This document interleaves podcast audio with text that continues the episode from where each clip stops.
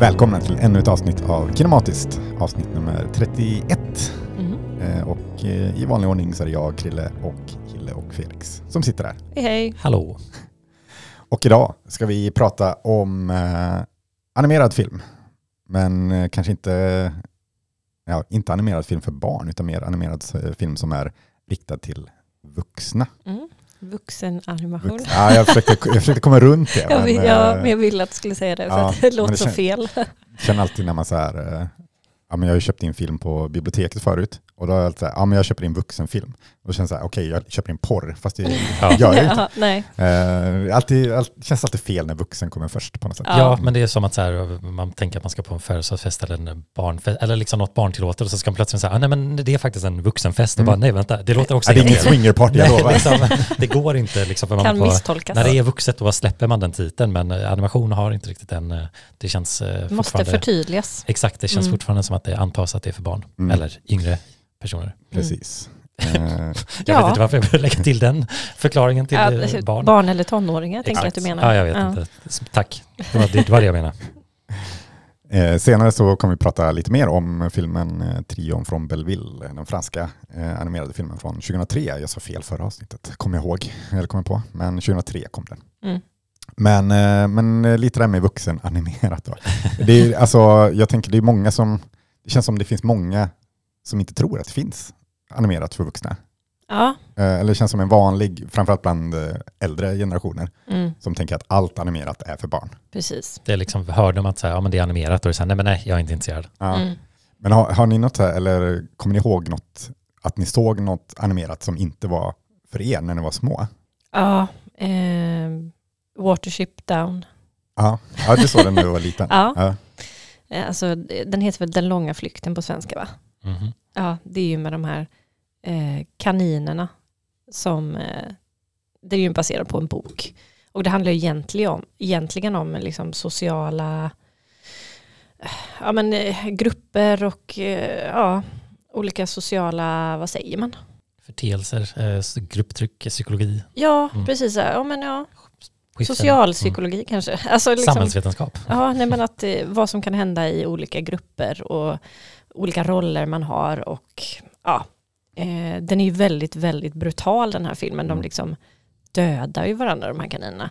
Så det är väldigt blodig. ehm, Men det är väl också klimat, eller klimat eller ja, miljöförstörelse ja, och precis, sånt, för att de måste ju flytta och sådär. Ja. Eh, så det är ju många olika teman i den här boken som, som den tar upp. Eh, som, som kanske inte är någonting för barn. Mm. Men känn minst att du hade någon stark reaktion till det eller liksom att du, om du ens förstod det när du såg den. Ehm, nej men jag, jag minns att jag blev chockad över att den var så brutal. Det var jag ju inte beredd på. Jag blev ledsen när kaninerna dödade Hur varandra. liten kan det ha varit när du såg den tror du? Jag vet inte, kanske nio Ja. eller något sånt. Mm. Ehm, ja, nej det var en ärrande upplevelse.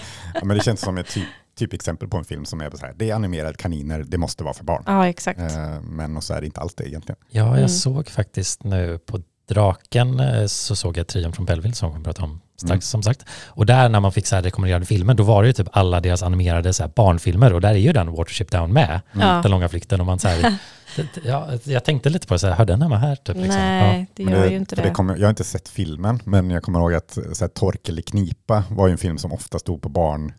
Ja, just det. Mm. Och det är ju bara så här, alltså det är ju liksom bara vuxenhumor liksom i den. Ja, Ehm, så det, och väldigt grov humor. ja, ja, men Mm. extremt, eller ja, som jag har förstått i alla fall. Ja. Eh, Så den skulle inte alls stå där. Men det var ju, jag kommer ihåg att det var på Åhléns i Övik. så var det så här, ja men de hade väl ingen aning Nej, om någonting där, om film liksom. Så bara, Ja. animerat, ja den går på barnavdelningen. precis. Är Åhléns i Övik motsatsen till biblioteket i Nässjö? Det är så här två sidor av Ja. spektrat. Kanske. Ehm, Men har, har du någon så här, eh, Alltså inget som kommer spontant nu, alltså jag är säker att det kanske var någonting, men eh, nej, jag får eh, tänka mer på det. Kanske om vi nämner fler filmer kanske man inte säger att, ja vänta den såg jag tidigt, men nej, inget jag kom på nu.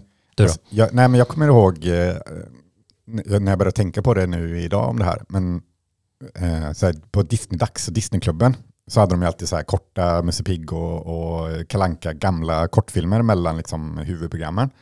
Och där ibland, för vissa av dem är ju så här, eh, om det finns någon, med Långben så här, liksom vardagstristessen för långben typ. Och det är bara så här, alltså det är liksom så här satir och samhällskritik. Och ibland visar de den och bara så här, jag, jag kommer ihåg att jag gillade det, för det var ju ändå så här långben och lite tokigt liksom. Men så här, det här är ju inte, det här är inte för barn egentligen. Nej. Så det känns som, där liksom, ja, jag vet inte om jag insåg det då, men, men det känns som, det var också så här, ja men långben, det passar i Disneyklubben, det spelar ingen roll vad det handlar om liksom. Mm. Eh, men jag kommer ihåg, för det fanns någon om sport också där, de liksom gör eh, någon satir av, av sport och långben testar massa, massa olika sporter. Jag så här, hoppades alltid att det skulle vara den. Men sen nu när jag tänker på tillbaka på den så är det ju, alltså innehållet känns väldigt riktat mot vuxna mer än barn. Mm. Mm. Men det, för det tycker jag är kul med just eh, de här kortfi- alltså, gamla Disney-kortfilmer, men också eh, ja, men, Betty Boop och, och eh, Tex Avery gjorde ju många eh, Disney-liknande an, animerade kortfilmer som ju är väldigt eh, liksom vuxen humor och vuxen innehåll. Och det är märkligt då att de äldre generationerna tänker att allt animerat är för barn. Ja, när för mycket det- av det tidiga animerade var ju absolut inte för barn. Precis, det har funnits så länge då. Ja, Mm. Och, och liksom i början känns det som det nästan var uteslutande för vuxna Ja. också.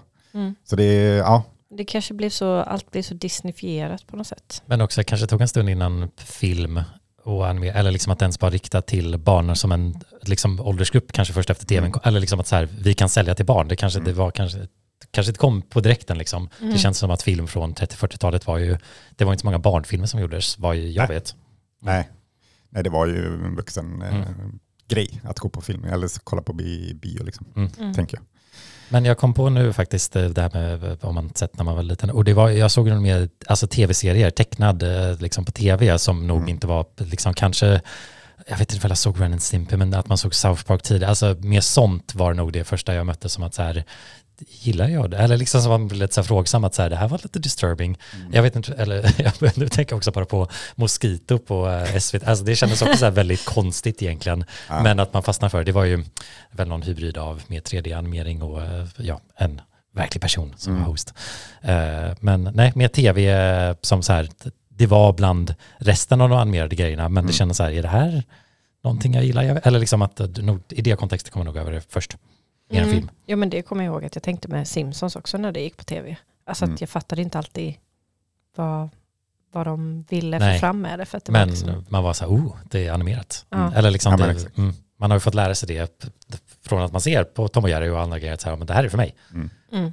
Eh, South Park, jag ser för mig att det började visas här på eftermiddagarna, sen insåg man att okej, det, här, det här är inte en vanlig animerad barnserie, utan det här får vi visa kanske senare. Eh, för mig att det var så på, alltså på fyran i alla fall när de köpte in det. Liksom. Mm. Så kö- köpte de väl bara in det som en animerad serie. Och det handlar om barn, så det är så här, ja, Mm. det är väl klart det går så att barn kan se det. Liksom. Ja. Eh, Men sen insåg de sitt misstag. Ehm, men ja, nu känns det ju som det finns, alltså det finns ju väldigt eh, mycket som är väldigt tydligt. Alltså jag tänker så här, Disney, för Disney känns ju bara för barn liksom. Ehm, men, men jag tänker, eller finns det någon Disney-film, alltså av de här klassikerna som känns lite mer vuxen? Känns det inte så? Jag vet inte, sen finns det ju som sagt alltid alltså, vuxenskämt i Ja, ja, Disney-filmer men också. Ja, det är väl att de har väl blivit väldigt bra på hybriden av att så här, vi gör filmer till barnen men vi, vi vill ju få att föräldrarna tycker det är bra. Eller liksom att, Ja, man som, vet att föräldrarna också. kommer Ja. titta också, Ja. så Och- då måste de ju slänga Ja. in någonting för dem. men typ Pixar, liksom, om man tar dem som en del av Disney, är ju väldigt bra på det. Liksom bara att göra någonting Mm. som riktas till båda liksom, men äh, Ja, främst. de riktas ju för barn ändå. ja, de riktas åt men, det, men, men eh, vissa saker i det kanske. Ja, men Ja. jag tänker att eh, de, de har inte så mycket en del mänsklig drama liksom, eller att typ så här, åh, föräldrarna vet vem som är röstskådespelarna som gör det intressant, eller Mm. sådana där saker, eller de där små skämten som är Mm. för vuxna, inte för barn liksom. Mm. Ja, För där tänker jag ju att Japan, alltså med Studio Ghibli och anime överlag, känns ju mer blandat. Så att Ja. säga, med, Ja. med både filmer för barn och filmer för vuxna. Absolut. Men det känns som att de kanske har en högre eh, förståelse av animering eh, historiskt i det landet Mm. än vad Mm. många västländska länder gör som ser det bara för barnsaker medan det här anime har funnits som en kanske mer legit artform längre ja, liksom. Jo, men det är väl en, en större, mycket större del av samhället än, än Mm. vad det är här. Till exempel. Även ifall det säkert finns många där som bara vänder näsan till det kan jag tänka mig också. Mm. Ja.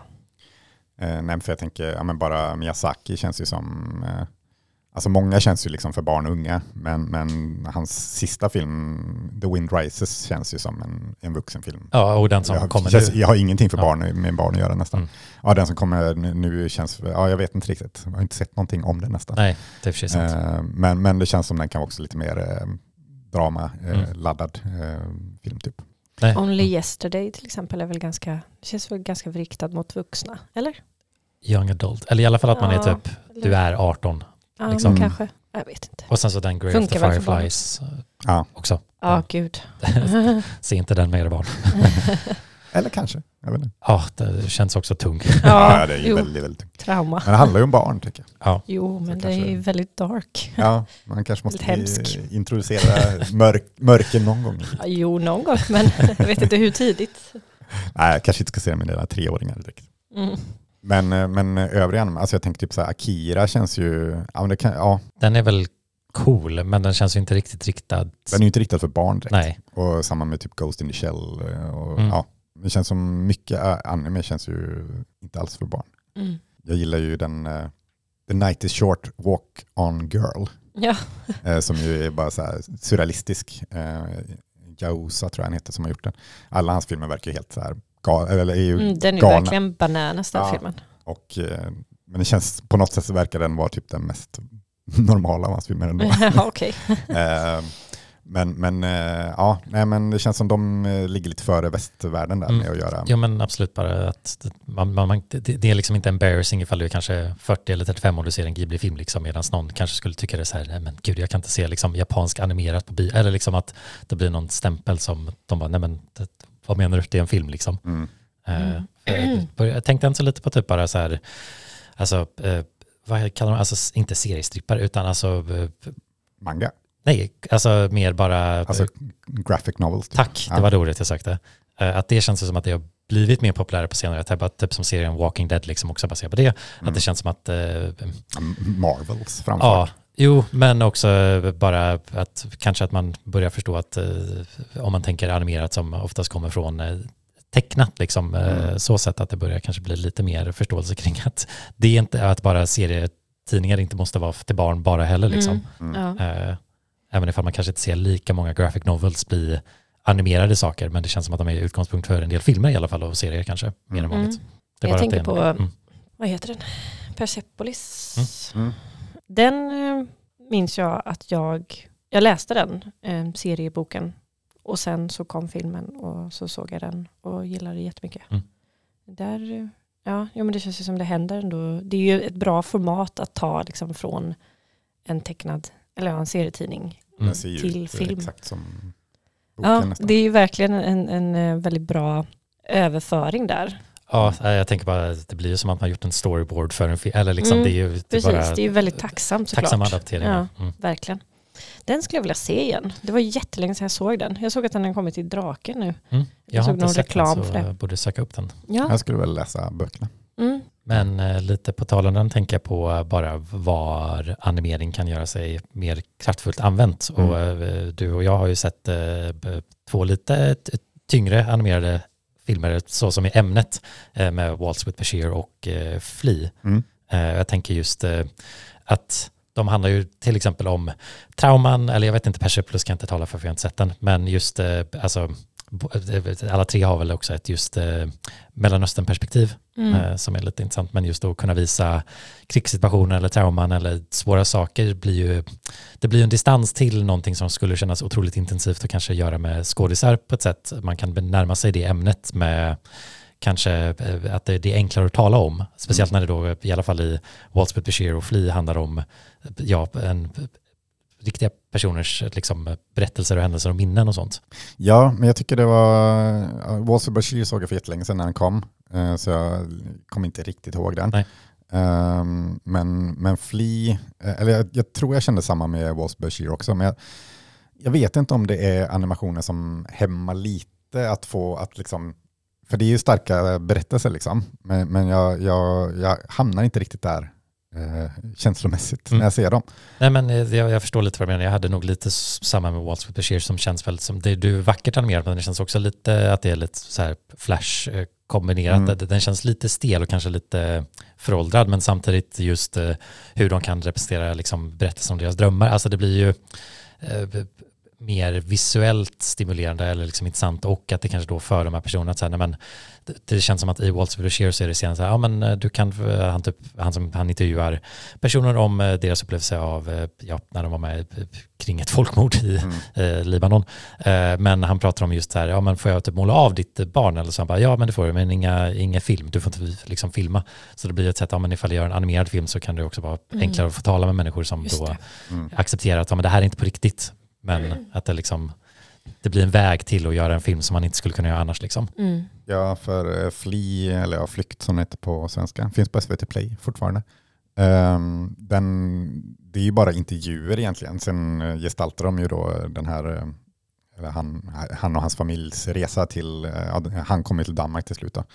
Um, så det, det är ofta man får se liksom, alltså de har animerat intervjuerna liksom.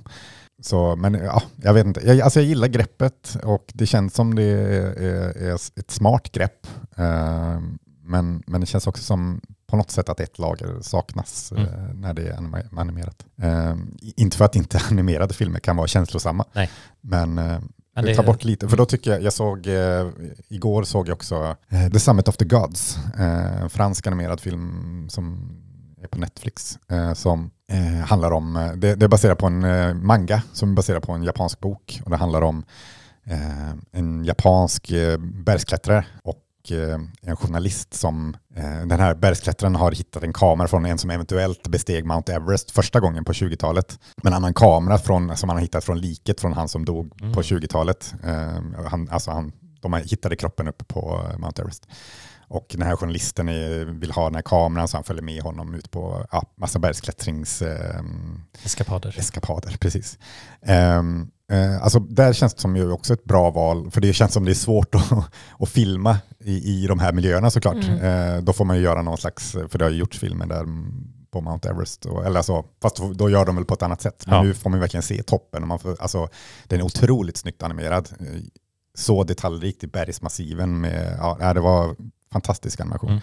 Och väldigt välberättad. Jag, ja, den var, jag tycker den var väldigt bra och där tycker de ändå kanske lite väl liksom, eh, emotionellt manipulativt med, med så musiken och, ja. och, dramaturgin och sådär. Men, men ändå liksom, ja, de lyckades ändå göra det spännande mm. i, i, moment, i, berg, i klättringsmomenten och sådär. Um, så den kan jag verkligen rekommendera. Men där tycker de ändå lyckades med, med, med det känslomässiga också tycker jag. Mm. Um, ja, så det, det funkar ju. Eh, men det kan, kanske för att det var lite bättre animerat än, än i de här dokumentärerna som vi har sett. Ja. Um, mm. Att det, det, ibland var det så här, okej okay, har de lagt in alltså, riktiga bilder nu eller är det fortfarande animerat? Nej, det är fortfarande animerat. Alltså det var liksom såg så äkta ut. Mm. Mm. Uh, ja, nej, det, det, är häftigt, men ja, det, det är kul just med eh, distans, eller just att man kan representera någonting som inte går att representera eller att komma närmare det som inte skulle kunna gå att filma. Mm. Men just bara verktyget över att ha någonting som det, det, det, kan kännas väldigt äkta, men det är också någonstans att man, det, man, har, man säger typ, det är så liksom, eller att man lurar sig själv och tänker att så här, det, det, är nästan som att det skulle kunna vara på riktigt, men det, det är inte eller liksom att det, det är intressant just när man pratar om... Överträffade på något sätt. Ja, mm. jo men hur något eh, som man vet är artificiellt så här, wow, det känns så, eller liksom att man kommer ändå så närmare någonting som känns sant, liksom det, mm. artificialiteten blir äkta. Eller man slås över att så här, wow, det känns mer äkta än jag trodde. Eller det, det, det är underligt eh, hur det kan leka med ens eh, känsla av vad som händer. Och jag tänker just speciellt på Ghibli-filmerna som är så otroligt välanimerade. Att där också man kommer närmare, man typ ser dem laga mat och grejer och man tycker så här wow, det ser så jävla gott ut. Mm. Medan man typ ser folk hålla på med mat i en film som inte är animerad man bara, ser inte så intressant ut. Eller liksom, ja, och det där är någonting som mm. jag minns från när jag var liten också, i vissa animationer när man blev så, bara, ah, det där ser så gott ut, ja. fast det är animerat. Det är mm. ändå en skill i det, ja, verkligen, att men, få det att mm. ja, se så, ja, men det är liksom den eh, konstnärliga kunskapen om att kunna representera någonting som mer handlar om hur vi tänker om någonting. Mm. Inte hur vi faktiskt ser eller hur du faktiskt fotorealistiskt whatever det är. För jag menar ja, att precis. filma någonting är ju också inte verkligheten. Men vi, vi köper ju att illusionen över att det är verkligen är mycket starkare. Så när man kan liksom animera en tomat som skärs och man gör det på det där perfekta sättet som enhancear vad som kanske inte sker när man skär en tomat men typ gör det mm. så blir det liksom mm. en hyperrealitet liksom. Ja, eller eh, bara enhancear de bitarna. Det, det är inte så häftigt med animering att det kan förhöja eh, hur vi tänker om någonting. Mm. Ja, men det, för det får man ju tänka på. Eh, men Richard Linklaters eh, animerade filmer. Eh, han använder ju eh, rotoscoping som det kallas när man då filmar eh, filmen och sen animerar över eh, scenerna. Liksom. Och jag, jag har sett, eh, Scanner Dark har jag inte sett, men jag har sett eh, Waking Life och eh, Apollo 10 and a half. Just det, det Ehm. menar du sedan. Och jag tycker, man, man kan ju tänka sig bara, men varför gör du det här? Varför, varför filmar du inte bara när du ändå har gjort det? Liksom? Eller så, Ja. vad, vad är tanken med animationen? Men jag kan tycka att i Waking Life, då är det ju liksom, det är mycket om drömmar och, och liksom det handlar ju om någon som i sina drömmar typ hamnar i andras eh, eh, samtal och sådär. Eh, och då funkar det ju ändå med det här med animationen, att det blir mer drömskt liksom. Och eh, man kan få till det här lite surrealistiska nästan. Och i Apollo 10,5 så tycker jag det funkar bra med Eh, eller jag tycker att animationen förhöjer den här nostalgiska känslan, för den, den tar ju upp hans liksom, ungdom och, och, och sådär. Och, och då tycker jag det funkar bra också. Det hade känts på något sätt inte lika bra om det hade varit eh, bara liksom, live action. Ja, ja, men speciellt något nostalgiskt kan jag tänka mig blir lite för cute. Eller det, kän, det blir lite core, alltså det känns lite töntigt liksom, medan Mm. det kanske inte, det blir någon distans igen där, att eh, man har hittat eh, en gammal artefakt eller någonting och så här, att det här är från den tiden. Ja, jag har inte sett den, men jag förstår Mm. känslan du förmedlar. Ja, nej men jag, så, så, ja, det finns ju många anledningar till att använda animation. Mm. Och det, är tänker jag också på. Verkligen ett kreativt verktyg som man kan, ja, Nej, alla jag ju- möjligheter finns. Ja men precis, och just med, med rotoscoping så tänker man ju lätt på eh, Sagan om ringen också. Ja. Alltså första Sagan om ringen. Och där tänker jag att man använde animation för att man kunde inte göra den filmen på eh, är det 70-talet den kom va? Eh, ja, det är det väl. Jag tror det. Ja, det skulle ju kanske sett väldigt B och töntigt ut om de försökte filma den då. Eller Mm. de hade liksom kanske inte den, de, det som behövdes för att det skulle se bra ut. Ja. Så då tänkte de väl att det är också en fantasyvärld på något sätt, att det kanske passar med animation. Eller Mm. jag vet inte hur de tänkte, men det är ju, det slås man ju av i alla fall om man tänker varför de valde att göra det. Mm. Eh, Och det, det funkar väl sådär i, i Ja. den filmen. jo, men det, en, det finns en charm i ja. den då. Eh, Ralph Bakshi heter han väl som gjorde den tror jag. Han gjorde ju ganska många liknande filmer. Eh, så American Pop har jag också sett som Mm. är någon slags eh, musikal eh, story eh, med också rotoscoping. Som, ja. ja, men det, är, det är en intressant teknik ändå. Eh, och det känns som han var ganska pionjär i det. Han gjorde också den här Felix the Cat, eh, som väl inte är rotoscoping men också en, apropå vuxen animerat, eh, som är väldigt eh, ja, någon slags kultfilm inom just eh, väldigt eh, vuxen, eh, grov humor. Liksom. Mm. Och sen så också bara, nu är det ju serie igen, men jag tänker det, alltså i och med streamingtjänster och Netflix, det känns ju också som att det blev en explosion kanske med start av South Park eller bara med vuxenanimerade serier. Alltså jag tänker på Ja. Big Mouth på Netflix och eh, det finns ju Bojack Horseman. Bojack Horseman. Alltså det, det tar ju inte slut på den listan typ liksom. Nej, men just eh, men, men för Bojack Horseman känns det så här, okej det är om en skådespelande häst. Det, många av den äldre generationen hade bara så här, okej det är nog en barnserie, men det är ju det mörkaste som har gjorts typ någonsin. Ja, ja. Och lyckas eh, också eh, få till det väldigt bra, så att man Mm. verkligen känner all ja herregud, ångest. vilken ångestfylld serie alltså. Ja. Men eh, vad man kan göra med animation så tänker jag också på alltså, skräck eh, ehm, Mm. elementet i Ja. animation. Alltså, ja, men vi, snackar ju, vi försöker snacka om The Wolf House eh, så ofta vi kan. Den här eh, sydamerikanska animerade, stop motion animerade filmen som är bland det läskigare man har sett. Typ. Just det, Ja. ja. det minns jag när jag pratade om förut. Ja. Ja, Den har också en otroligt läskig röst. ja, och det är liksom, ja, den skulle inte kunna göras på något annat sätt. Nej, det är verkligen eh, det, allt, alltså det ultimata sättet att göra den på. Det känns som att det hade absolut det varit en helt annan film om den hade gjorts på något annat sätt. Mm. Och det är just, just också den, alltså animationstekniken är ju något eh, som gör den läskigare också. Mm. Och det är väl något, eh, finns ju folk som tycker animation är överlag läskigt. Ja, men det är väl något uncanny liksom, Ja, med animation beroende på hur man gör det. ja, ja, det, Läskigt på ett annat sätt. ja. Jag bara tänkte när du sa Uncanny, Uncanny Valley liksom. ja, ja, ja. Mm. Men jag vet, eh, för typ Skrotnisse var det många som tyckte var läskigt. ja Eh, herregud. eh, Ja, jag hade skräckblandad förtjusning för Skrotnissen när jag var liten. ja. Jag tyckte ju att det var läskigt animerat. Ja, ja, men då, ja, men jag, jag kan förstå det eh, Mm. på sätt och vis. Jag minns också Wallace and Gromit som lite läskig när man eh, såg den pingvinen som var typ eh, inbrottstjuv. Det- När jag var liten då tyckte jag nog det var lite scary. Mm. De skulle till månen och grejer. Men det, det är någonting med just sån animering när det är stop motion som kan bli lite mer freaky än när det är, Mm. eh, kanske för att det är mer liksom faktisk eh, ljussättning, det är mer skuggor och mörker Ja, på ett annat sätt och jag än tänker, realism. Liksom. Och så I lite, Skrotnisse så är det ju ögonen är väldigt läskiga. munnarna känns också så här. Munnarna och är- tänderna, ögonen. Alltså ögonen är liksom så här jätteinsjunkna. Mm. Så alla ser lite sjuka ut eller nästan döda ut. Jag tror det är det som gjorde mycket för mig. Ja, och munnarna med tänderna som Mm. kändes lite läskiga också. Men på tal om stop motion, Mm. eh, Nicky Lindroth von Bar. Mm. Alltså jag älskar ju henne. Fantastisk eh, stop motion animatör. ehm, som har gjort eh, Min börda till exempel. Och eh, min favorit är nog Tord och Tord. En- Annars kanske också känd för en del av, vad heter den, The House, heter Ja. va? som Ja. eh, går på Netflix. Precis, den här Det är eh, inte den personen som har gjort Bio Royce. Jo, Han är Göteborgs-referens här, men Mm. deras eh, snälla stänga av telefonerna, gå på toa. ja precis. Det är en sån liten vignett innan eh, filmen börjar spela som är animerade fiskar och lite olika djur. Mm. Ja, eh, så hon är ju känd för att hon har mycket djur i sina filmer. Som, eh, ja, vad brukar man säga, eh, mänskliga, det finns ett begrepp för det här. Ano, an, anomorfiska heter det. Anomorfiska ja, djur, precis. Att de beter sig lite som människor och Mm. står på, ja, står som människor. Vad säger man? Rör sig som människor. Ja. och kan prata. Eh, så det är väl hennes liksom Antropomorfiska. antropomorfiska. Mm, Ja, så på. är det ju. Mm. Eh, ja, nej, men så hon gjorde ju en av de tre delarna. Har du sett den, The House? Nej, men jag minns när den kom ut och jag minns att ni såg den och att du gillar henne. Mm. Ja, nej, men hon är fantastisk. Hon har en fantastisk humor i sina filmer också. Som jag verkligen, som tilltalar mig väldigt mycket. Ja, den är ju den är både liksom surrealistisk men också deadpan samtidigt på. Precis. Ja, Tord the Tord är ju som, som säger, den är ju väldigt rolig. Ja, den måste ni se om ni inte har sett den.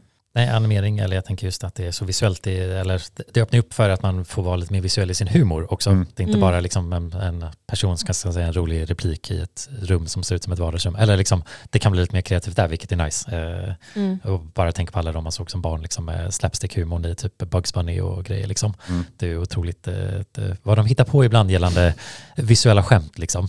Mm. Ja, ja, men det finns ju liksom inga gränser. Nej. Eller alltså, Nej, det är ju det som är... Everything is possible. Jag Ja. tänker nästan lite på Scott Pilgrim vs. The World nu som känns ju väldigt inspirerad av den. Den är ju, den är ju en spelfilm men den har ju väldigt mycket animerade CGI-element och klippningen och sånt där liksom blir mer nästan tecknad på ett sätt. Ja, det, det finns ju så otroligt mycket man kan göra med det. och Det känns som att det finns så många som har gjort så smarta val inom det. Så här, ja, men det finns ingen gräns. Eh, Det här kan hända. Det kan öppnas upp en dörr som inte fanns innan. Alltså det är liksom så här, Och kanske man måste också, även ifall det finns inga, eller man, jag tänker man brukar ofta prata om att när man har begränsningar så gör man mer kreativa lösningar och här har man ju liksom möjlighet att göra vad som, men man måste komma på det på ett annat ja sätt än bara precis. se en plats eller liksom Det gäller ju måste- också att ha den fantasin. Ja, och liksom, du kan inte gö- bara göra någonting av misstag. Eller liksom, det är inte som att du går till liksom en plats och bara, åh, här, vi filmade på det sättet för att vi ser det här rummet se ut så, utan där är det nej. Mm. Du måste bestämma allting liksom. Mm. Och då blir det ju oftast lite kanske mer kontrollerat på vad som kan leda till väldigt, väldigt bra resultat. Mm. Jag tänker på uh, A Town Called Panic Ja, som ju är stop, fransk stop motion, eller belgisk kanske, eh, stop motion film där de bara har tagit liksom så här gamla leksaker och liksom gör knasiga stories med dem. Liksom. eh, over the top film. Ja, men Det är som barn som leker med, med, med liksom, eh, gamla så arméfigurer och allt möjligt. Liksom. Mm. Och så bor de i någon stad och eh, hittar på massa shenanigans. Ja, Men det känns ju verkligen som bara, ja, fantasin sätter stopp. Eh, de har också de, alltså ljuden de gör i filmen är ju verkligen så här ljud, typ som barn skulle göra med sina leksaker. Ja, Mm. Den är, ja.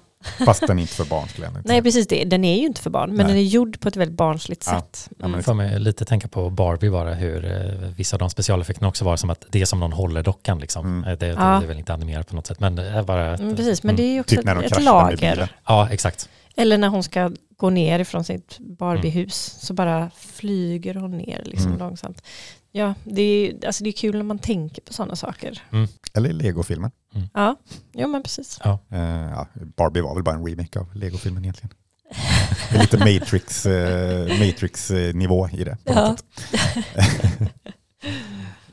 um, ja, men apropå stop motion, så eller Wes Andersons filmer, Fantastic Mr. Fox och Isle of the Dogs. Isle of Dogs. Isle of Dogs.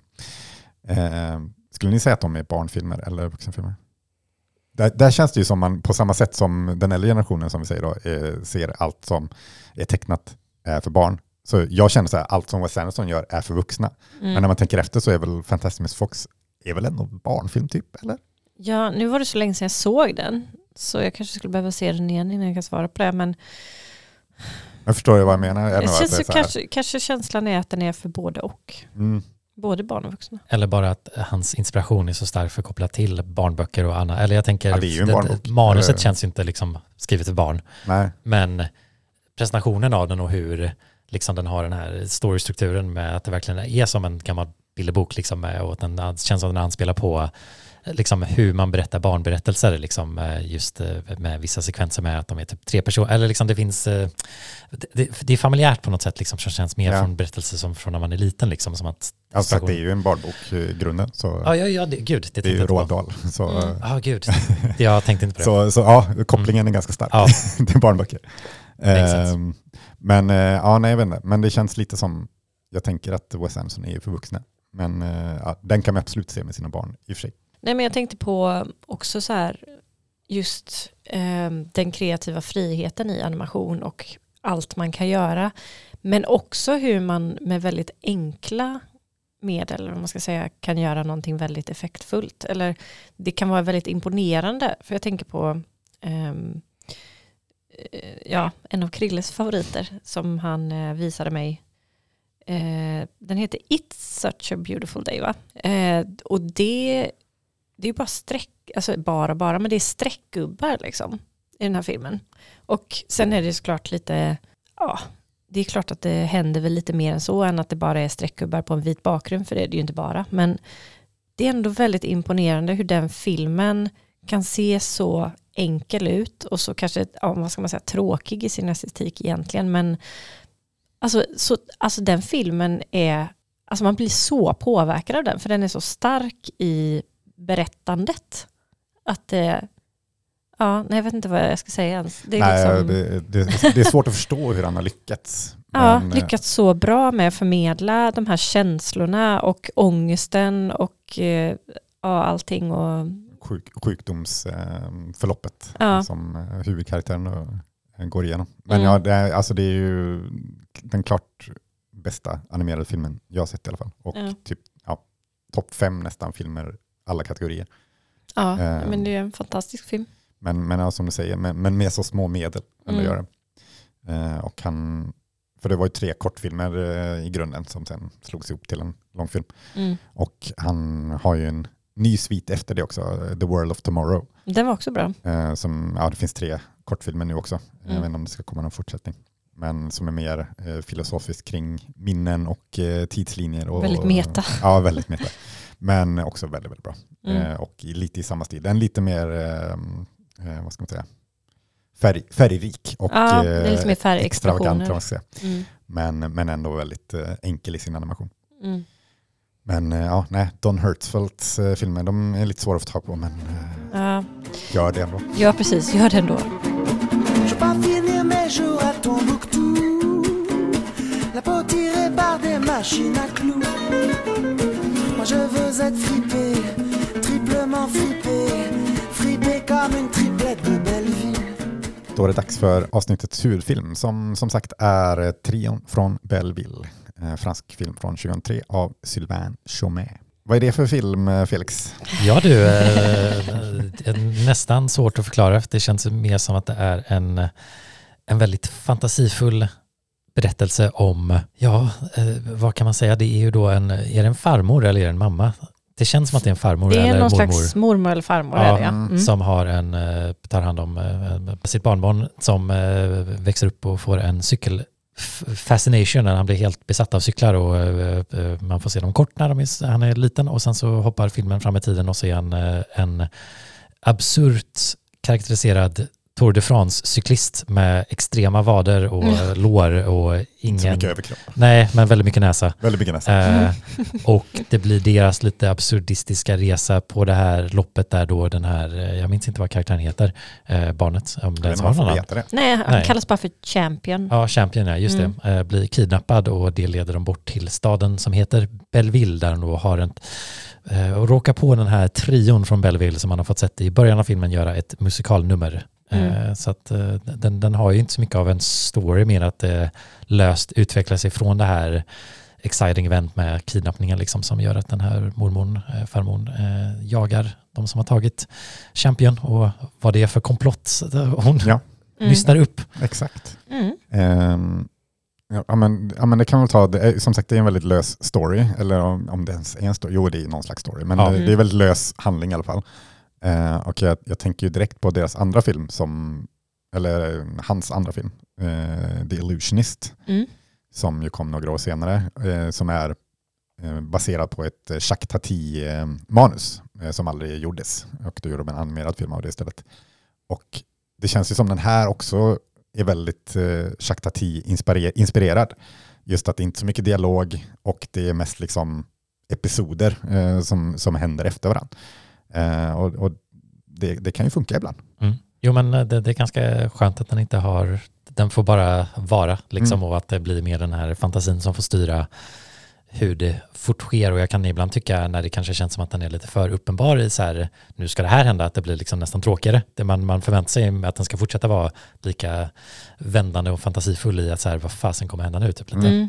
Jo, för Eller- den har ju ändå sina moments där man bara, alltså jag kan ju inte påstå att jag skrattade rakt ut någon gång, men jag chuckled lite liksom Mm. eh, några gånger. Mm. Eh, för det här var första gången jag såg den.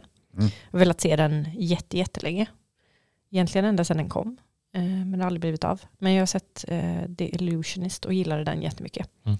Och det är ju samma där, att det är ju också typ ingen dialog i filmen. Det är, de säger några ord då och då, men det är ju ytterst lite dialog. Jag kan vara lite huffande och gruffande men inte en, inga ord liksom. Nej, det är väl bara några få tillfällen de säger riktiga ord i Ja. filmen. Jag kan ju tillägga också att det är en hund som också följer med dem, Ja. som spelar en ganska stor roll i filmen, för man får se hundens drömmar bland annat eh, återkommande.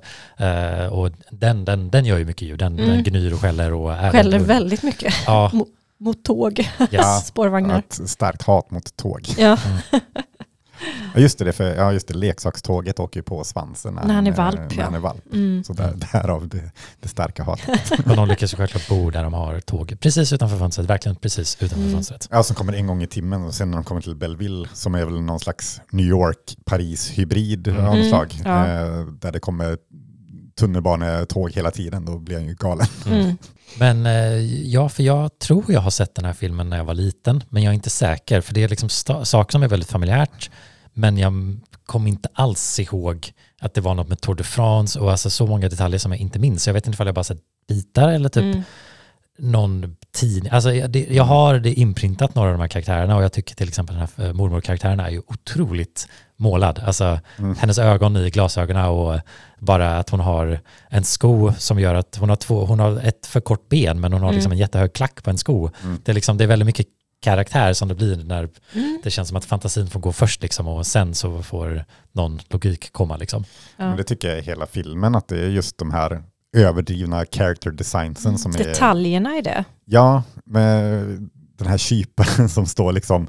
Eh, eh, ja, Han Böjd. är, liksom Helt böjd i, 180 som, ett, som ett valv liksom. Ja. yes. är ju väldigt rolig. Och Ja. eh, jag tycker för de stöter ju på den franska maffian då, eh, som eh, är i Belleville. Och de här liksom fyrkantiga blocken av två människor Ja, är ja. ju typ en av de bästa karaktärsdesignerna jag någonsin Ja. sett. Typ. Mm. Det, det blir väldigt så det klassiskt FBI-agentaktigt, men otro, Mm. en otrolig square-agent liksom som Ja. bara, men faktiskt är en square. Där man, för det är så kul för man ser den karaktären så tänker man, ja, ah, och så tänker man förstå liksom hur karaktären är uppbyggd, de har väldigt höga axlar, men sen så ser man ju också att ja, där är verkligen axlarna och där går armarna liksom. De Mm. är verkligen de här fyrkanterna Mm. på ett liksom eh, anatomiskt sätt. Mm.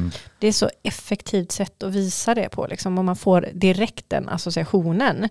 Jag kan känna igen det från typ, ja men, ja men till exempel Secret of Kells och de filmerna känns ju också väldigt så här att de har, ja men i den är det ju till exempel en, ja han är väl en, en präst eller vad är han för någonting och så är han jättelång och lite krökt och så här svartklädd och det, de här formerna känns så himla effektiva. Ja, det känns väl någon sån där grej, typ styrkan i soletter, att så här, du ska Mm. bara kunna se soletten men förstå exakt vem Precis, det är. Liksom. exakt det. Mm. Och det, det gör man verkligen i den här filmen, för de är, det, det är nästan, den här då Champion, han är ju nästan, alltså den här filmen är ju lite creepy.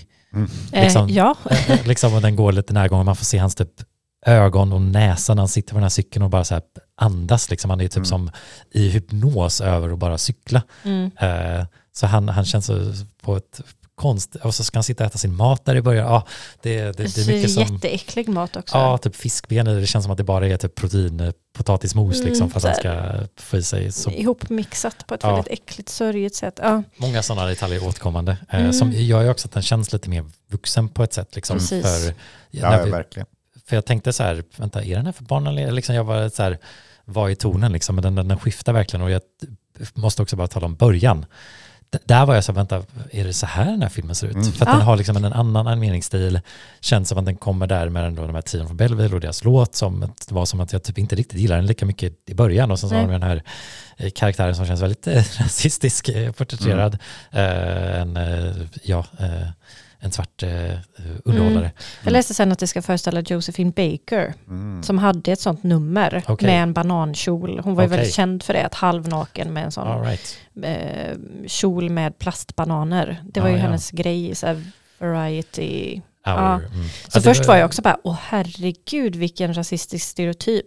Men sen så läste jag att det, ah, det är klart att det fortfarande blir det på sätt och Men det vis. fanns när ett är- historiskt precedens. Ja, det var precis. för att alla de andra i det numret skulle också föreställa riktiga personer. Ja, okej. Men eh, jag blev så slagen. Ja, jag, jag blev också lite kallsvettig, när den- för den hade jag glömt bort helt. Ja, Liksom. och jo, liksom jag med. Bara, åh nej. Man bara, den här animeringen är inte alls lika vacker som jag minns den. Ja. Ska, ska den inte se Ja, annorlunda det, det ut? känns som att jag skulle väl alludera lite till så här 30-tals eh, animation. Mm. Ja, jag tänkte väldigt mycket på Disney med händerna, för det var så här Musse Pigg-händer. Liksom. Eh, Men ja, jag, jag blev också chockad i början. Bara, åh nej, ska den här filmen vara animerad på det här sättet? Det Mhm. trodde inte jag. Jag blev jättebesviken. Ja, ja, jag var verkligen också så här, bara har jag satt, liksom det var verkligen så här, inte en chock liksom. Ja, men sen så visade det sig då att de, eh, farmor, mormor och eh, Champion sitter, Farmor, ja, sitter och tittar på tv och de ser det här numret på tv och att det är Mm. det som är början av filmen. Och man blev, alltså jag blev så bara, åh, liksom jag Ja, vilken ut man tur. bara fick se det här huset och det är typ handmålat fint och bara, ja men där är den där mormor som jag minns med hennes ögon i glasögonen liksom och Mm. ja, det var som att man bara, det fick stilla själen Ja. lite att så här, det var, det, det är en vacker, lite mer stillsam film liksom. Men ja, den är, alltså resten av filmen är ju väldigt så här fulsnygg. Alltså Mm. den är ju väldigt obehagligt animerad på många sätt och vis. Mm. Ehm, Den för, förskönar ju ingenting direkt. nej, Det, precis. det är också ganska skönt tycker jag Mm. med filmen, att den är, får vara lite, liksom, som du exakt säger, den, den, den vill inte vara fin hela tiden. Nej liksom. men precis, och jag är, ja, jag är svag för när det ska vara lite så här obehagligt. Men sen så kan jag ju tycka att det kanske blir lite väl överdrivet då när de kommer till Belleville. Och att det ska vara någon, någon slags mashup av eh, Paris och New York. Och så är liksom alla som bor där är ju jätte, jättestora. Alltså de är jättetjocka de här människorna.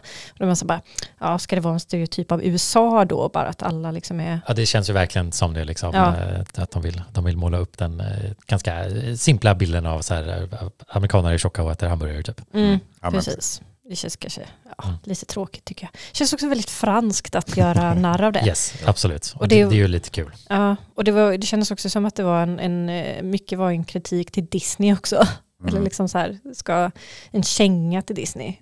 Det var ju någon scen när det var liksom en Musse Pigg-form, eller var det, jo jag tror det var Musse Pigg-formad bajskorv som flöt i en toalett. Ja, typ sådana grejer. Di- Disney har väl förtjänat lite kängor i sig. Ja, det har de absolut. Och de klarar sig. Ja, det gör de. Ja, nej men det är ändå, ja, det finns någonting fascinerande över animation som är lite lätt obehaglig, eller kanske i det här fallet ganska rätt så obehaglig. Mm. Alltså för jag, liksom första gången man ser honom då som vuxen eh, med, med sin elitcyklistkropp och liksom de, de vader han har, eh, det känns bara så här obehagligt. Ja, men det känns Ja, liksom, Väldigt så- så obehagligt. det, är han inte, får- inte rätt ja, det här. Nej. Så här ska det inte vara. Han har ju cyklat där i början också får en sån massage av mormor och det är också Mm. mm. bara, liksom Ja. när han ska liksom just bara komma så nära musklerna på något sätt. Liksom. Mm. Uh, man kan Ja. typ känna det och nej Ja. usch det är För jätteobehagligt. det tänkte jag också med den här filmen, att just eller med animerat och det, det känns som att den här lutar sig ännu mer in i det, att det har ju så otroligt mycket också med ljudbilden, alltså typ Foley-arbetet i Mm. ljudeffekterna. Eh, det känns som att de har hittat och gjort väldigt mycket och bra där för att man ska faktiskt höra och känna Mm. av liksom, att förstärka det. eh, verkligen. Ja. Eh, och ett, även eh, lite, det kommer ju lite musikalnummer och det känns också som man spelar lite på så här Foley att de använder typ maskiner och hittade Mm. saker för att göra musik. Det kändes eh, Mm. som en uppskattning till Foley konstnär, artisteriet eller vad man ska Ja. säga. Mm. Ja, för de kommer ju, de kommer ju till den här eh, trion då, som är gamla galna eh, tanter nu i stort sett, eh, Mm. som bara äter grodor, men fortfarande uppträder då. Eh, och jag, alltså när jag såg, för som sagt, det var också länge, länge sedan jag såg den, så jag kommer inte ihåg så mycket detaljer. Men ja, hon får inte ens läsa tidningen eller ställa in någonting i kylskåpet. Och jag, när jag såg det bara, men varför är de så otrevliga? Men okej, Mm. det är deras musikinstrument. Ja, det, var, det tyckte jag var ett kul eh, grepp. Vad ska Ja. säga, att de, så här, de verkar vara så här, eh, nojiga eh, gamla tanter som, ja, man får inte röra deras grejer. Mm. Men sen så visar det sig att just de grejerna som hon, hon försökte röra Ja, eh, var sånt som de använder i sitt Ja, musiknummer. och det är verkligen så här, hon ville bara vara hjälpsam att så här, hon får Ja. typ sova hos dem och sen bara, Och jag, jag, jag hjälpte till att dammsuga bara, nej, rör Får den inte röra den. och så kysser de den och man säger Ja. what? Liksom, och så så här kysst kylskåp. Man bara, Ja, och sen, men det är väldigt bra reveal och just det musiknumret är väl det bästa tycker jag i Ja. filmen. Ja, det är jättebra. Mm. Men jag tycker också att alltså det musik, alltså musiken som de sjunger till i det här början, eh, det här väldigt variety-numret, det sätter sig verkligen i hjärnan. Mm. Alltså den, jag gick och nynnade på den typ två dagar efter Ja, känns det det var bara massa nonsensord. Liksom. Ja, Ja. och sen så typ ballet, valley Mm. taboo. Mm. Liksom. Ja. Ja. Men, men eh, både liksom ljud, eh, ljudbilden och ljudeffekter och musiken blir ju eh, extra viktig när det inte är någon dialog i filmen. Ju, Mm. Men de, ja, de lyckades ju verkligen, eh, vad ska man säga, ha ett bra substitut för dialog. Ja, Eh, jag kunde ibland tycka att det blev kanske lite mycket av hundens gnyande Ja. och skällande, Ja. liksom Jo. bara för att det får ta så stor plats när ingen annan pratar. Mm. Eh, Det, det pågick alltid lite för länge Ja. och det kanske fanns en tanke bakom det men man blev ju väldigt irriterad Ja. på att bara lyssna på det för här det är typ hundskallet. en neurotisk hund som är Mm. liksom Mm. väldigt eh, mycket av en karaktär, men det blir lite, lite mycket av det ibland. Mm. Ja men verkligen. För det, ja, det, är, det är en konstig film att prata om för att det är så här, vad är handling? Eller liksom Ja. saker Ja. bara händer så att man känner så här, jag vill bara prata löst liksom. Men det, det, ja, det, den var inte som jag trodde den skulle vara, men också som jag trodde den skulle vara. Ja, ja men precis. Jag har också den känslan att det var, ja jag trodde på något sätt att den skulle vara annorlunda. Men samtidigt så vet jag inte riktigt vad jag trodde. Jag kanske hade en känsla kring vad den skulle vara. Mm. Och att den delvis blev uppfylld. Men ja, så var det som att jag tyckte att det var något som fattades. Mm. Men jag Ja. vet inte riktigt vad. Den, den, den slutar ju kanske inte så här superstark, alltså rent storymässigt så känns det inte så tillfredsställande för det handlar ju om att den här kidnapparen och försöker hitta Champion och det finns intressanta kreativa saker de gör där men det blir Jaktscenen är ju rätt rolig på slutet. Ja, Mm. även ifall jag tyckte också att den kändes lite konventionell på något sätt när filmen har varit så konstig annars. Liksom, att så här, jag gillar det, men det var som att jag- där tror jag jag ville ha något mer. Eller eh, på något sätt liksom att så här, nu, Mm. nu får de skurken typ. Liksom. Mm. Alltså bara den hur man bara, okej jag tror jag vet hur det här kommer sluta. Att det Jo. var lite förutsägbart mer än, eh, det var ju väldigt kreativt och roligt gjort liksom. Mm. Mm. Eh, så det, där kan du, jag kanske känna att så här, hur kommer de avsluta den här filmen? De kanske inte ens vet liksom. Men jag gillade slutet, slutet kanske man inte ska säga vad det är, den sista scenen. Men, eller de två sista scenerna jag gillade kan jag säga. För det kommer igen under, ja precis, eftertexten också.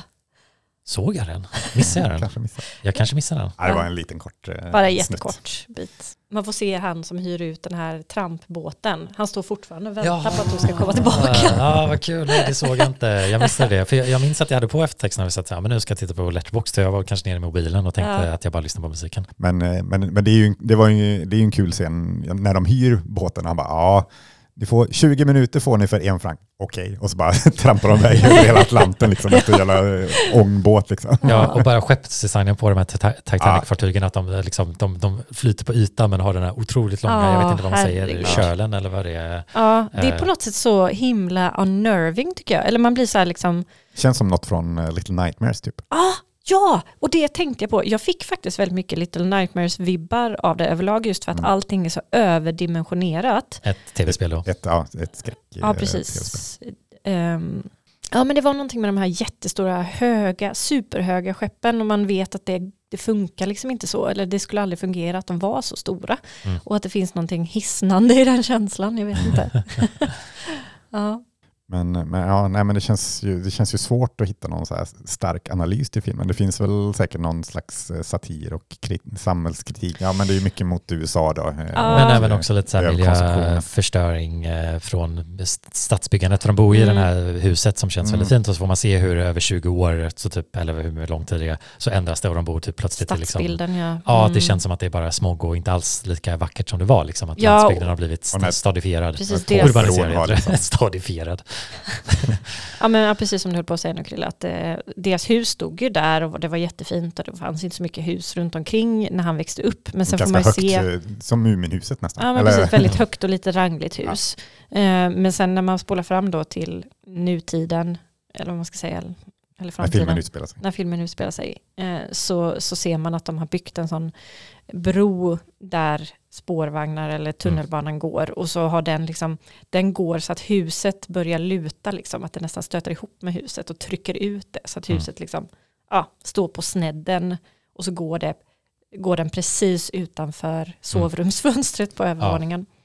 Och jag tänker även hur de representerar Tour de France. Känns också lite som att de, de ville framhäva de här cyklisterna som kapp, eh, eller Ja, kapplöps... Kapplöpningshästar. Ja, tack. Eh, och jag vet inte ifall det är någon kritik eller bara en rolig förskruvning av det fenomenet, men det känns också väldigt franskt. Mm. Mm. Eh, och sen så just den här franska vinmaffiabossen liksom med hans Mm. stora näsa och att dricka vin och grejer. Liksom, ja, det känns Mm. som att de, de, de skruvar ju upp eh, satirisering och gör satir, men inte Mm. att det kanske inte alltid säger någonting. Men det känns också som inte är poängen, utan det känns som mer fantasifullt. Liksom. Mm. Ja.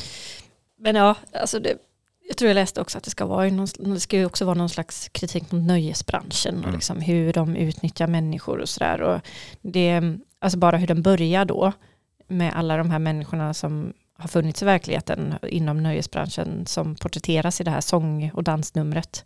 Att hur de har liksom blivit utnyttjade inom nöjesbranschen på sätt och vis. Alltså jag läste en del om Josephine Baker till exempel. Då, att hon, ehm, ja, hon flyttade ju från USA då bland annat för att det var så otroligt segregerat och för att det var så mycket rasism inom nöjesbranschen. Ehm, och att, ja, hur allt det liksom har påverkat de här människorna.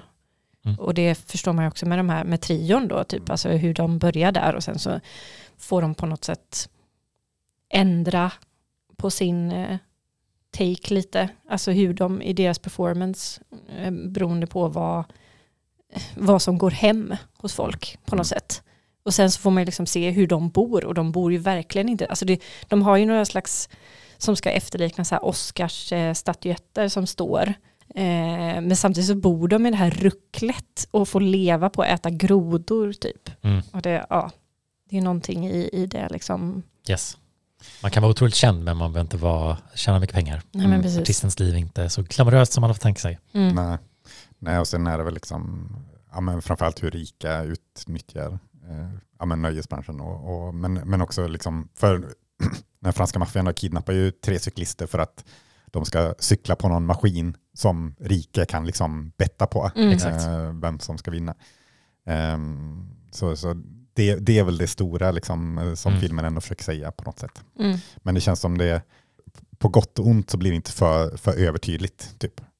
Mm. Alltså det, det, det är ju tydligt nu när man säger det, alltså, men eh, det blev liksom inte för on the nose på något sätt ändå. Mm, nej men precis. Nej, det känns inte som att när man ser filmen att det, de visuella bitarna finns där. De är väldigt starka, speciellt när man pratar om dem i efterhand. Men det är inte som att filmen slår sig, liksom, "Ah, titta här, det är det här som Mm. vi handlar om nu. Utan det, det, det fortsätter vara typ konstigt. Man bara, vänta, vad händer här nu? Eller Mm. man är inte beredd på att det ska komma, men man bara, aha, det är det som sker typ. Mm, ja, men precis.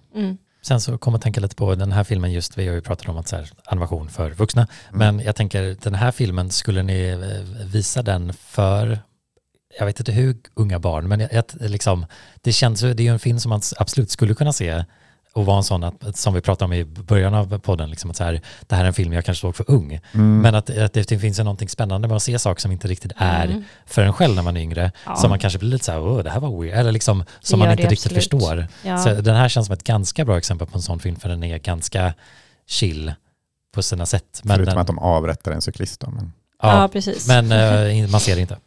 nej, men Man, man förstår. Man förstår ju Ja. Ja. Eh, Men jag, jag såg också lite i, eh, ehm, recensionerna på Letterboxd om den här. Att det var flera som skrev, bara, såg den här när jag var liten, blev ärrad för livet. Typ. Alltså, det var många som så här, "Uh, det här var inte en barnfilm. Men eh, ja, Men kanske på ett bra sätt ibland också.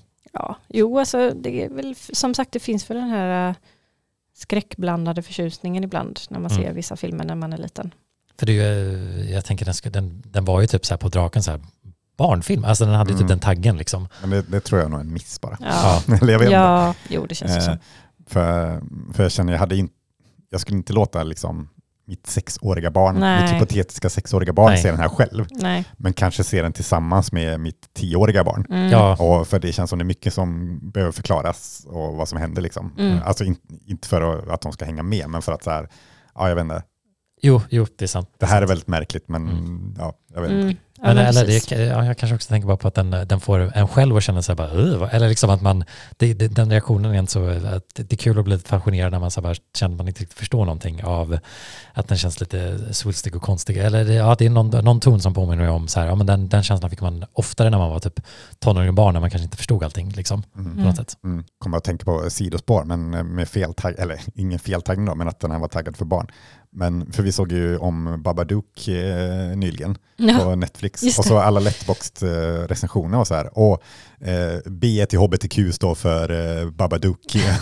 och så varför, är- varför är han sån gay-icon? Ja, men det har ju blivit Det var, det. ja, det var ju för att det var ju feltaggat på Netflix som eh, HBTQ-film. Mm. De hade råkat tagga den som. HBTQ-film och Ja. blev det en grej liksom i eh. HBTQ-kretsar. Ja, okej, att ja, han men- är en stor gay-icon. då fick jag det förklarat. För jag, jag visste att han hade, det Ja, var det, jag har ja. hört det och jag bara så, varför är det? Men då, okej. Det är på grund av det. Det är jätteroligt. Eh, Men vill vi sätta betyg på eh, Ja, men det kanske är läge för det. vad Vad landar säger du du på? Felix? Ja, ska jag börja? Du får börja. Ja, jag, tror, alltså jag har haft en fyra sen jag såg den tidigare. Men det känns som, eh, ja det känns inte lika starkt för den nu som, som då. Så jag, ja, jag kanske sänker till tre och en halv eh, ändå. Eh, Mm. Alltså jag tycker det, stilen är väldigt bra, karaktärsdesignen framför allt är, är amazing. Jag kommer ihåg både, alltså både den här och Illusionist så kände jag så här, oj jag hade velat spela ett point and click-spel i Ja, den här verkligen. animationen. Ja. Ehm, men ja, ehm, som du sa, det känns som något saknas. Mm, lite svårt att säga vad. Ehm, Mm. Men ja, tre och en halv. Ja, jag vet inte om jag riktigt bestämt mig, men det står väl mellan tre och tre och en halv för mig också. Mm. Ja, det är något som saknas och jag kanske hade lite för höga förväntningar på den också. Ja, men det rör sig någonstans där omkring i alla fall. Och jag, jag, jag instämmer här också jag är på tre och en halva. Eh, Mm. och tre- Samstämmigt. Ja, samstämmigt, men mycket kreativ, fransk och just specifik och konstig. Men ibland kanske lite planlös i sin story och både att man gillar det konstiga men också man så här tycker att det inte alltid blir så nice och kanske lite av den här satiren som känns lite passé med här är tjocka amerikaner liksom på Mm, något sätt. ja, men precis. Hade kunnat vara lite, lite, ännu mer konstig också på något sätt. Ja. Eller Mm. ännu mer surrealistisk. Yes. Ehm, Och den, den är ju ganska kort också. Mm. Men den känns, eh, inte, den känns inte för kort men den är, ja, jag vet inte hur jag vill säga det med det, men som att, eller just slutet kanske känns lite rushed på något Mm. sätt. Mm. Att det, det sker och man bara, ah, okej. Jo, precis. Jag tyckte också att det kändes som att eh, slutet kom lite plötsligt. Mm. Alltså innan slu själva slutscenen. Ja. Men fortfarande, eh, ja, man kommer ha med farmor och mormors karaktär i huvudet. Ja. Mm. Fin person. Jag- gangster, eh, Mm. fyrkanterna. Ja. Jag minns framförallt. Ja. Choose your character.